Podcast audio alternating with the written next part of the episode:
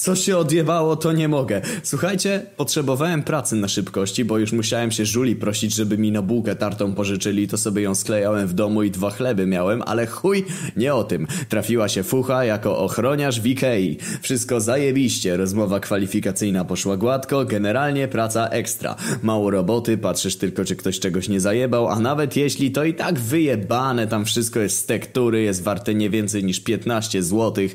Nawet z doniczek stalowych można składać samolociki i puszczać, bo są kurwa z papieru. Wszystko było generalnie super, aż wydarzyło się coś dziwnego. Ja zawsze zamykałem sklep o 23, koniec zmiany, klucze do drzwi, ostatni obchód i do domu. To był piątek, pamiętam. Jak gdyby nic, dopełniłem obowiązku i wyjebałem na chatę. Nie wiedziałem o jednym, że niechcący w środku zamknąłem jakieś małżeństwo. Kurwa, obsrałem się totalnie. Telefon od menedżera. Coś dojewał, alarm w restauracji włączony, jacyś ludzie łażą, wpierdalają klopsy na zimno z sosem żurawinowym i świąteczną szynkę za 12,99. Zapierdalam swoim lanosem o trzeciej w nocy pod sklep i słuchajcie. Wchodzę do środka, odpalam latarkę, idę do restauracji, wyjebałem się jeszcze o maskotkę kalafiora po drodze i przypierdoliłem głową szafkę Steven. Wbijam do restauracji i słyszę szepty. No to krzyczę, halo, proszę wypierdalać tutaj ochrona! Nagle jeb, dostałem czymś w głowę. Wydaje mi się, że był to wałek do racuchów Jonan, ale nie jestem pewien. Obudziłem się o szóstej, kiedy miałem otwierać sklep. Jak gdyby nigdy nic, otwarłem i zacząłem przeglądać kamery. Myślałem, że jebnę. Dwoje nagich ludzi zapierdala po magazynie, zbierają pudła i poskładane meble kuchenne. Mimo wszystko zaciekawiło mnie to. Oglądałem te kamery cały dzień. Słuchajcie, okazało się, że zbierali te meble i zanosili je do takiego miejsca w magazynie, magazynie, gdzie nikt nie zagląda. Dział ogrodzenie. Odziani w żółte plastikowe worki z logo sklepu popierdalają z kawałkami mebli i układają je w jakieś dziwne budowle. I co mi odjebało? Wpadłem na pomysł. Tego dnia specjalnie zamknąłem sklep z trzema osobami w środku plus te dwie co już były. Byłem zszokowany, gdy wróciłem nad ranem i robiąc obowiązkowy obchód po magazynie znalazłem małą tekturową zagrodę wykonaną z płotka Joze. W środku były pluszowe marchewki i jeże. Nie jestem pewien, ale chyba na ziemi była jakaś zieleń, a dziwne, bo można ją nabyć tylko w dziale zieleni. Nagle z ciemności wypadła jakaś postać i zaczęła coś krzyczeć. Wydaje mi się, że po nordycku. Może nawet szwedzki, ale tak jakby słyszałem tylko nazwy mebli i przyrządów zabawek, które sprzedaje sklep. To był ten gość, którego wczoraj zamknąłem, z włócznią zrobioną z włosów i ołówków. Zacząłem spierdalać co sił w nogach, poślizgnąłem się na stolcu, chyba ludzkim. Nagle goniły mnie ze trzy osoby, ubrane w żółte worki, prawie rozwalili drzwi do pokoiku ochroniarza, gdy się w nim zamknąłem. Zniknęli w sumie też nie wiem kiedy. Do końca dnia obserwowałem ich na kamerach. O ja jebę! Co tam się działo? Zaczęli od budowy prymitywnej chaty z biurka szkolnego Skager i szafki Ole. Sypali jakieś ziarna do zagrody z pluszowymi marchewkami i jeżami.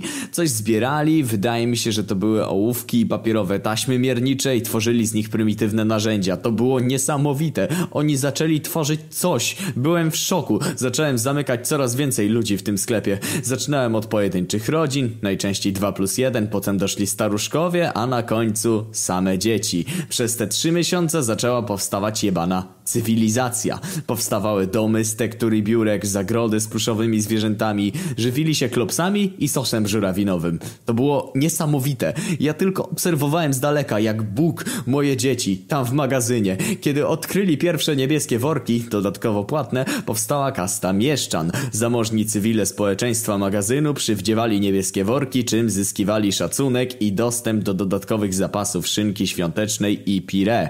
Po kolejnych dwóch miesiącach w magazynie powstało koloseum, tak kurwa koloseum, zbudowane z tektury i stołów folse. Ja tylko patrzyłem, widziałem walki na ołówki i wałki do naleśników tonyn.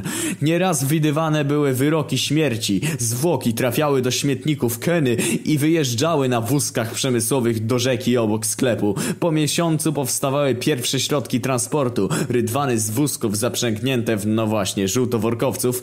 Nie wspomniałem, że na przestrzeni przestrzeni czasu niebiescy totalnie zawładnęli żółtymi i obcięli wysokie stanowiska urzędowe na działach wystroju, niszcząc żółtych i zaciągając ich do katorżniczej pracy przy uprawie fiskusów, fykun i struganiu ołówków. Ja tylko patrzyłem, zaczęły powstawać kolejne miasta. Najpiękniejsze było miasto Skien w dystrykcie dziecięcym. To tam powstała pierwsza kolej drewniana, a wagony, słuchajcie, były połączone innowacyjnym systemem magnetycznych kulek. To było piękne. Wielcy naukowcy pracowali na dziale biuro, tworząc genialne projekty urządzeń użytku domowego i nadając im adekwatne, wyśmienite nazwy. Szczególnie pamiętam wyciskacz do owoców dildu, który dzięki regularnym wibrującym ruchom penetrował owoc i wyciskał z niego wszystkie soki. Lubiałem patrzeć też, kiedy szlakiem handlowym, obok wyjścia ewakuacyjnego, przemykały kordony kupieckie na wózkach przemysłowych, sprzedając swoje genialne wyroby. Obrazy z działu sztuka, które w rzeczywistości są zdjęciami stoliki hyj i inne. Przełomem było wynalezienie broni palnej. Do tej pory mianowicie wojska posługiwały się procami pyżda, miotającymi kolorowymi kamyczkami z działu wystroju wnętrz. Patrzyłem na nich z miłością. Wyznaczałem im wszystkie błędy, ale też karałem za przewinienia. Uwielbiałem, jak coś od John Polili zgasić im światła w magazynach. Co tam się odpierdalało, zwołano posiedzenie starszyzny niebiesko-workowej. Przyjeżdżali kapłani z całego sklepu, dział łazienka, kuchnia, salon, pokój dziecięcy, padali na kolana i odmawiali jakiejś modlitwy, chuj wie co. Włączałem im światło po pięciu minutach, raz to nawet włączyłem, oni radość, krzyki, składają w ofierze pluszaki w kształcie słoni hyj, a ja jeb i im gaszę. O kurwa! Wzięli tych kapłanów i zaczęli napierdalać mieszalnikami do mas cukierniczych, a potem ucięli im głowę i wywiesili zamiast kloszy do lamp decapitacjo. Od tamtej pory już im nie wyłączałem tego światła. Zaczęło mnie frustrować, kiedy zauważyłem, że niebieskoworkowcy znęcają się nad żółtoworkowcami wyjątkowo perfidnie. Nie wiem czemu, ale upodobali sobie zabawę, jak to nazwali dajdupy. Polegało to na tym, że jeden żółty wkłada swoją piętę drugiemu w odbyt i śpiewa pieśni opiewające niebieskich monarchów, podczas gdy sklinczowany kolega wyjękuje mu muzykę pod rytm. Wyjątkowo perfidne, ale muszę przyznać, że mnie zaciekawiło. Powoli rodziły się kolejne miasta, rozwój technologiczny zdawał się nie mieć końca. Zamykałem ich coraz więcej. Raz nawet miałem bekowy pomysł i przed megafonem postawiłem paproć fitek i podpaliłem ją. Jak przychodził jeden z żółtych, to zacząłem napierdalać przez megafon. Jam jest pan twój. Skurwysyn spisał 10 przykazań na drzwiach od szafki z Keger i spierdolił z 40 innymi żółtymi z niewoli z działu sprzętu kuchennego. Wszystko zaczęło się pierdolić, kiedy wpadłem na naprawdę debilny pomysł. Byłem tak zafascynowany swoim tworem, że postanowiłem wejść w niego całością. Rozpocząłem przygotowywania, zwracałem uwagę na ich zachowanie, zwyczaje i tradycje. Najgorsze było poznanie tego debilnego języka. Ja naprawdę nie rozumiem, jak można każdą rzecz nazwać inaczej i to jeszcze jakimś pseudoimieniem. Kurwa, przecież krzesło obrotowe to powinno być krzesło obrotowe, a nie jakieś Günther Skele. To jakby, nie wiem, na prysznic mówić Mariusz Wrona. Posrane. Ale do rzeczy. Zajęło mi to cztery miesiące i w końcu stwierdziłem, że jestem gotowy. Rozebrałem się w moim pokoju do naga i ubrałem w worek. No właśnie, to był mój pierwszy błąd. Nie miałem niebieskiego, tylko żółty. Stwierdziłem, że nie będzie przypału, jeszcze ostatnie spojrzenie na kamery i w drogę. Był już świt, zaczynałem włączać lampy w magazynie, wyślizgnąłem się z kanciapy i pewnym krokiem ruszyłem do miasta. Mój Boże, to było niesamowite. Piękne kamienice z rzeźbionymi w kartonie i drewnie wykończeniami. Freski przedstawiające słynnych niebieskoworkowców malowane farbami plakatowymi Ferben. Karczmy, targi, sklepiki, koszary, no po prostu wszystko wszystko. W oddali horyzont przysłaniały potężne mury tekturowe zamku Ilewal. Zaczęło mi być trochę zimno, bo klimatyzacja działała, a ja miałem na sobie tylko plastikowy worek z dziurą na prawym pośladku, która później dała o sobie mocno znać. Tak, dziura na dupie bohaterem. Wszedłem się ogrzeć do karczmy. W środku płonął elektryczny kominek Kemy. Poszedłem do baru i poprosiłem o słynny i wszystkim znany pseudocytrynowy pośredni metabolit cyklu mocznikowego zwany napojem gruszkowym. Kobieta za ladą nalała mi do tekturowego kufla trochę trunku. Zaraz jednak zamógł i poszło wszystko w pizdu, co mnie sfrustrowało, nie ukrywam. Nie wiem, ale byłem jakiś podminowany wtedy. Wstałem, wziąłem ten ochłap papieru, złapałem żółtka obok i włożyłem mu go w usta, ten mokry kubek. Nastała cisza. Tak, zapomniałem. Zrobiłem coś, co może zrobić tylko niebieskoworkowiec, mimo że doskonale znałem ich kodeksy. Skarciłem żółtego samemu i będąc odziany w worek wstydu, tak na to mówili niebiescy, do karczmy wpadło czterech zbrojnych powiedzmy zbrojnych mieli oprócz worków plastikowe pojemniki na śniadania w kształcie jamnika jako dopełnienie zbroi. Alali mnie piszczącymi pluszowymi pałkami baseballowymi i nawet nie sam ból, jak ten żałosny dźwięk pip pip pip spowodował, że nie mogłem wytrzymać. Zacząłem uciekać, wybiegłem przed karczmę i długa wdział szaf na ubrania. Los chciał, że znowu wyjebałem się na pluszowym kalafiorze. Już mnie mieli. Otknąłem się w czymś, co wyglądało jak, jak, jak, jak ładnie urządzona kuchnia. Okazało się, że to pokój spotkań z królem. No właśnie, z królem. Dotarło do mnie, że przez cały ten czas, kiedy obserwowałem sobie pobieżnie całą cywilizację, oni zdążyli wybrać sobie jakiegoś cwelca na króla. Znowu się wściekłem, przecież to ja jestem Bogiem. Ja ich stworzyłem. I wtedy wszedł on cały na tekturowo. Na szyi miał taki naszyjnik z makaronu, a na niego nawleczone były cztery klopsy w sosie żurawinowym. W sumie zajebiste. Na plecach miał szatę z bawolej skóry z działu dekoracji. Wtedy dowiedziałem się, że można coś takiego nabić w tym gówno sklepie.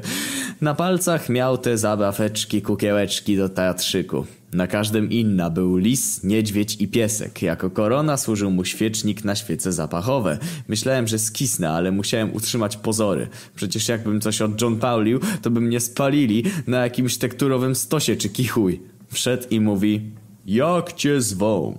Wymyśliłem na poczekaniu i mówię Skeger. Król zamarł, szepnął coś do swojego driblasa i nagle zbiegło się z 20 osób do tej kuchni o wymiarach 3 na 3 metry, więc myślałem, że się zesram, bo wszyscy stali i byli do siebie przytuleni. Śmierdziało gównem, bo zleciało się jeszcze paru żółtych wieśniaków, ale wytrzymałem, bo nie w czepku urodzony, wiecie o co ho. Król lekko przyduszony zaczął mówić Czy ty jesteś ten Skeger, który wykonał on slip? Zgłupiałem i odruchowo powiedziałem Jo! Czyli tak. No i wtedy to był drugi błąd. Podeszło trzech gości i wrzucili mnie do wózka i zaczęli gdzieś wieść. Po godzinie dojechaliśmy. Poznałem to miejsce. To był słynny Teatr Amsu, zaraz obok restauracji. Stałem za kulisami, podeszło do mnie dwóch niebieskoworkowców i zaczęli mnie witać i gratulować odwagi. Powiedzieli, że ostatnia osoba, która podjęła się Ansulup, marnie kończyła, więc darzą mnie jeszcze większym szacunkiem. Zgłupiałem i spytałem, co to jest ten Ansulup. Wytłumaczyli, po czym myślałem, że strzelę sobie w łeb jebanym ołówkiem. Otóż ten tak zwany wyczyn polega na tym, że na oczach króla i 500 osób, które zasiadają w tekturowym teatrze, mam oddać stolec do worka, który mam na sobie. Potem stanąć na rękach, tak żeby nie wypadł z worka. To był moment, w którym wiedziałem, że muszę zdupcać, ale nie było jak. Wszędzie stały straże. Powiedziałem sobie przysłowiowe Jolo! Podobno jeśli ten trik się powiedzie, miałem otrzymać pokaźną wypłatę ze skarbca państwowego. Nie wiem czy wspomniałem, ale w owym miejscu walutą były panierowane serki cheddar i gorgonzola. To był też moment, kiedy zwątpiłem w swoje dzieło i trochę mi się zrobiło smutno i wstyd zarazem, ale dobra, wracając do historii. Okazało się, że jeśli wyczyn się nie powiedzie, mam zostać stracony następnego dnia. Stanąłem na środku sceny, nie widziałem nic, tylko małe punkciki na środku. To chyba były waniliowe świece zapachowe otaczające króla. Używali ich jako pochodni i źródła światła. Zrobiło mi się niedobrze. Zawsze tak miałem w stresie. W sumie moje życie wisiało na kablu. Wiedziałem, że muszę to zrobić. Spiąłem się. Totalne skupienie, nigdy nie umiałem srać na zawołanie, a teraz nagle objawiła się ta umiejętność. Zesrałem się na mokro. Szkurwa, zapomniałem, że jadłem 8 hot dogów wcześniej. Kosztowało mnie to 8 złotych i byłem najedzony, więc niby profit. Poczułem to masakryczne ciepło na pośladkach i chłód na twarzy. Dobra połowa już za mną, pomyślałem. Chce mi się potwornie żygać, ale jeszcze tylko na ręce i spierdalam. Serki zatrzymam, ale tylko czedary, bo gorgonzola to gówno. No i właśnie. Pamiętacie tę dziurę, o której wspominałem? Dokładnie tak. W sekundę cała zawartość worka wylała się na tekturową scenę, hucznie przy tym pykając. Cisza. Nastała cisza. Pierwsze co przyszło mi do głowy to spierdalaj stary. I tak też zrobiłem, odwróciłem się na jednej nodze i rura. Los chciał, że lewa stopa poślizgnęła się na gównie, chociaż tyle, że własne to mniejszy ból. Wytrącając mnie z równowagi. Przebiegłem 3 metry i no właśnie, znowu wyjebałem na tym zasranym kalafiorze i zadupcyłem głową w półkę sufa. Kto to rozrzucał, nie wiem, ale poprzysiągłem sobie wtedy, że go znajdę i zniszczę. Zostałem pojmany. Mój umysł przepełniała czysta nienawiść do pluszowych kalafiorów. W drewnianej celi, która w rzeczywistości była szafą do garderoby, spotkałem pewnego człowieka. Mówił, że ma na imię Sven. Tak jak ja. Miał być stracony następnego dnia. W pewnym momencie nie wiadomo czemu zaczął się masturbować, ale kazałem mu przestać, bo już miałem naprawdę dosyć wrażeń tego dnia. Zacząłem opowiadać mu wszystko. Całą prawdę o powstaniu cywilizacji. Na początku nie wierzył, ale potem zaczął opowiadać swoją historię. Sven był żółtoworkowcem. Pracował na polu z fiskusami i storczykami. W sumie nic tam nie robił, bo są nawadniane przez system komputerowy, ale nie mówiłem mu, bo tego, bo, bo, bo, bo chyba ochujał na taką informację.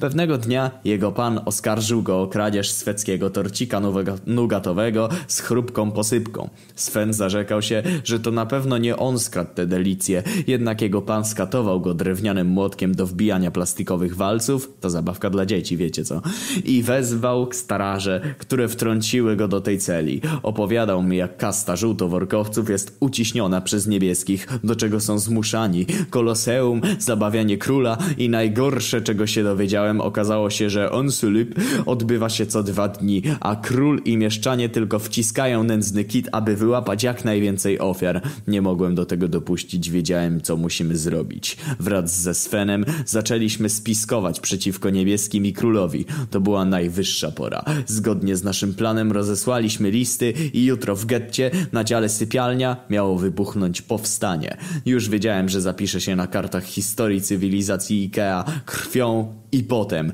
położyliśmy się spać lecz ani ja, ani Sven nie mogliśmy usnąć z wrażenia, zaczął się po prostu znowu masturbować. Rzuciłem w niego łyżką i przestał. Podłożyłem pod kark piankową poduszkę. Tyt, tak, jutro świat będzie inny, pomyślałem. Zanim usnąłem, ostatnia rzecz, którą zobaczyłem, to że w drugiej ręce Sven trzyma zielonego pluszowego karafiora. To nie mogło się dobrze skończyć. Była gdzieś godzina siódma rano. Nie byłem w stanie określić, ponieważ nikt nie zgasił światła w sklepie, przez co tym debilom wydawało się, że w ogóle nie nastała noc. Słyszałem, że coś tam mówili o boskim znaku gniewu i tak dalej. Oj, owszem, byłem wkurwiony. Do celi wpadło dwóch strażników, krzyknęli, że już czas. Wstałem razem ze Svenem, poszliśmy się odlać w narożniki szafy i ruszyliśmy zakuci w tekturowe kajdany. Na razie wszystko zgodnie z planem i nikt niczego się nie spodziewał. Wyszliśmy na plac niebieski, gdzie miała odbyć się egzekucja. Kat stał przy maszynie. Nie wiem, czy kojarzycie takie hydrauliczne tłoki, na końcu których zamontowana jest drewniana dupa. Siadają one tą dupą na fotelu setki tysięcy razy i ku wszechobecnemu zadowoleniu klienta pokazują, jak wytrzymałe są te meble z papieru. Ci geniusze korzystają z tego jako maszyny do egzekucji, wkładając głowę skazańca między drewnianą dupę a fotel, a ta uciska i uciska, dopóki nie rozjebie ci głowy. Nie powiem, e, poczułem lekką dumę. Druga maszyna była dla Svena, działała tak samo, lecz otwierała szafkę setki tysięcy razy. Jego głowa miała być w połowie włożona do szafki i dalej miażdżona. Czaicie o co ho. Zostaliśmy ustawieni na tekturowym podejście na czas czytania oskarżeń. Waży nieco ponad 90 kilo, więc po trzech sekundach podest jebnął i staliśmy nagle ze Svenem otoczeni tekturową ścianką na wysokości pępka. Kat odczytywał oskarżenia, które były rzecz jasna absurdalne, jak cała sytuacja. Kradzież pięciu pluszowych koni i jednego słonia ze stadniny królewskiej, zjedzenie dwóch klopsów bez sosu żurawinowego, rozlanie dwóch litrów napoju o smaku bzu i tak dalej. Wszystko było zmyślone, ale tak właśnie byli sądzeni żółci. Fałszywe oskarżenia, które obciążone były karą śmierci. Brak możliwości jakiejkolwiek obrony, tylko ostatni posiłek był w miarę spoko. Hot dog i lód śmietankowy. Cena zamykała się w trzech złotych, więc się opłaca. Padły pierwsze strzały. Spojrzeliśmy na siebie ze Svenem, widziałem tylko tylko jego uśmiech i małe brązowe oczka. Powiedziałbym nawet tekturowe.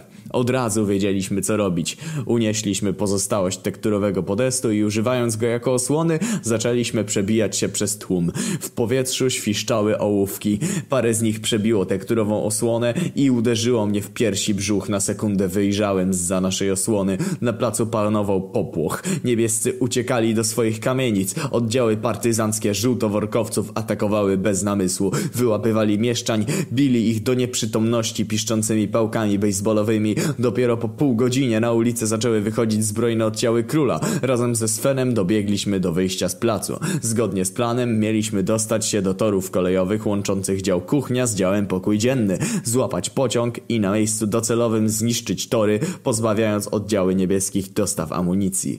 Kiedy byliśmy przy torach, pociąg już się do nas zbliżał. Na czele czarna lokomotywa na piszczących drewnianych kółkach, potem zielony, niebieski i czerwony wagonik połączone magnesami. Wskoczyliśmy do zielonego. Po godzinie byliśmy na miejscu. Podobno żółci odbili plac niebieski i kierowali się na dział zieleni. Tam mieli się przegrupować i czekać na dalsze rozkazy. Dotarliśmy. Zeskoczyliśmy z drewnianego wagonika i od razu podeszliśmy do torów. Ja złapałem jeden koniec, Sven drugi i podnieśliśmy kawałek drewnianego torowiska, tworząc w nim potężną lukę. Tory łączyły się jak puzzle, więc nie było większego problemu. Z tego miejsca ruszyliśmy do zatoki. W basenie z kolorowymi kuleczkami już czekał na nas statek. Stało przed nim dwóch potężnych żółtoworkowców. Przepustki! Krzyknęli. Byliśmy przygotowani razem ze Svenem, wyjęliśmy karty IKEA Family, uprawniające do zniżki na zestaw obiadowy i przepływu partyzanckim okrętem bojowym. Przepłynęliśmy dwa metry i wysiedliśmy. Tyle bowiem miał cały basen. Dotarły do nas wiadomości, że oddziały zaczęły szturmować dział sypialnia, nie pozostawiając żadnego niebieskiego przy życiu i kierowały się w naszą stronę. Wtedy zorientowałem się, że coś jest nie tak. Zbliżaliśmy się do Kas. Ostatni punkt. Granica cywilizacji Ikea. Dotarło do mnie, że godzinę temu sklep został otwarty. Za kasami w, kolejkach, w kolejkach po hot dogi wstydu, zapiekanki hańby i lody żenady stali ludzie. Nie mogli się dowiedzieć o moim dziele. Dotarliśmy ze Svenem do kas, wtedy zamarłem. Część osób odwróciła się i patrzyła na nas. W żółtych workach z opaską na ramieniu ze znaczkiem literki I z klopsem w podstawie. Oznaczało to Ikea klopsząca i stało się symbolem powstania.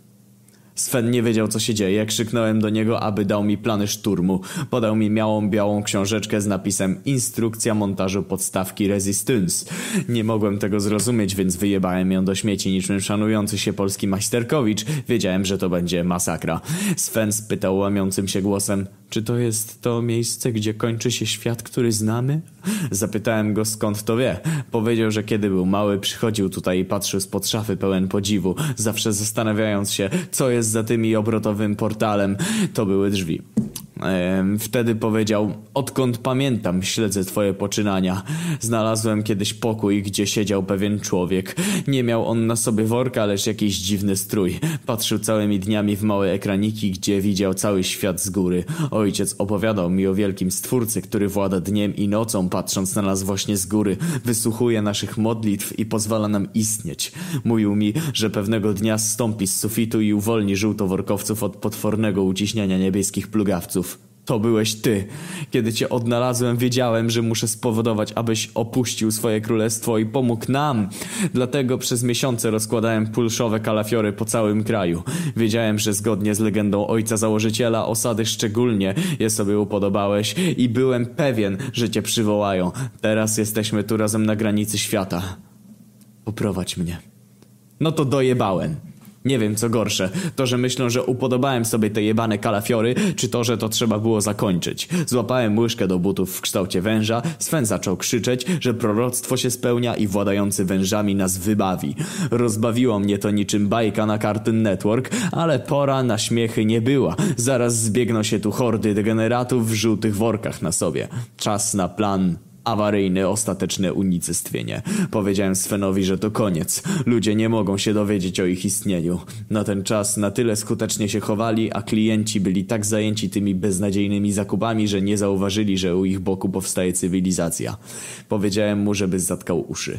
Pobiegłem szybko do mojego pokoiku. Na kamerkach widziałem setki żółtych maszerujące z bronią w kierunku gaz. Złapałem za mikrofon, odpaliłem megafony w sklepie na pełen regulator, przyłożyłem usta do Majka i szepnąłem know him Pójdź człowieku za mym głosem, umrzyj teraz jak klops z sosem. I przełamałem łyżkę do butów na pół z głośnym trzaskiem. Zaczęło się. Początek końca głośniki zaryczały, na te słowa hordy cywilizacji Ikea zamarły i ruszyły w kierunku restauracji. Tam dokonywali zbiorowego samobójstwa, podcinając sobie tętnice szyjne nożami i wskakując po tym do pieców na szynkę świąteczną. Jeden za drugim, jeden za drugim. Zastanawiacie się, jak to było możliwe. Otóż kiedy zacząłem tworzyć moje dzieło, wiedziałem, że może nadejść taki moment, kiedy będę musiał je unicestwić. Codziennie w nocy puszczałem przez megafony ten tekst i korzystając z podświadomej manipulacji oraz sztuki hipnozy, udało mi się wytworzyć u nich odruch warunkowy. Polegał on właśnie na natychmiastowym samobójstwie, gdy usłyszą te słowa zakończone strzałem z łyżki do butów. Płakałem, kiedy widziałem upadek mojego dzieła. Odwróciłem się i ruszyłem do wyjścia. Tego samego dnia złożyłem wypowiedzenie. Wiedziałem, że tylko Sven przeżyje. Nikt z ludzi nie dowiedział się o cywilizacji Ikea. Czasami tego żałuję, że nie oznajmiłem tego światu. Mogliśmy się wiele od nich nauczyć. Przez trzy miesiące po Ikea apokalipsie Sven sprzątał to, co pozostało po cywilizacji. Zbiorowe mogiły żółtoworkowców w postaci worków w koszach stanęły za wejściem do sklepu. Kurhany niebieskoworkowców pozostały przy kasach. Na ostatnim odludzie cywilizacji oddzielnie płatne Sven widać żywił urazę, nawet po klęsce imperatorów. Zapasy skarbca królewskiego, to jest serki cheddar i gorgonzola, oddał do restauracji, gdzie leżą po dziś dzień. Ostatecznie słuch po nim zaginął. Do tej pory, kiedy chodzę do Ikei, za każdym razem, gdy biorę żółty worek, łza spływa po moim policzku. Z westchnieniem wspominam niesamowitą historię tego miejsca. Kiedy wychodzę, zawsze też kupuję jeden niebieski worek i zabieram do domu. Mimo wszyscy, mimo wszystko niebiescy byli również moimi dziećmi. Dwa lata później. Tydzień temu zacząłem pracę jako ochroniarz w OBI. Tutaj jest zdecydowanie spokojniej. Aczkolwiek dzisiaj, kiedy przed zamknięciem sklepu robiłem ostatni obchód w dziale ceramiki łazienkowej, coś leżało na ziemi. Nie byłem pewien co to jest, więc poszukałem latarki. Snop światła przesunął się po półkach z terakotą i trafił na podłogę. Tak, to był on. Pluszowy kalafior. Do stópki miał przyczepioną notatkę. Podniosłem go i przeczytałem – Zabrałeś mi mój dom i gołymi rękami kazałeś chować zmarłych. Nie jesteś Bogiem, lecz tyranem. Wiedz, że jestem tu. Obserwuję cię i czekam na twój ruch. Zemszczę się. Podpisano Sven. W tym momencie wiedziałem, że dzisiaj drzwi obi zamkną się niechcący wcześniej, a Ikea była tylko początkiem.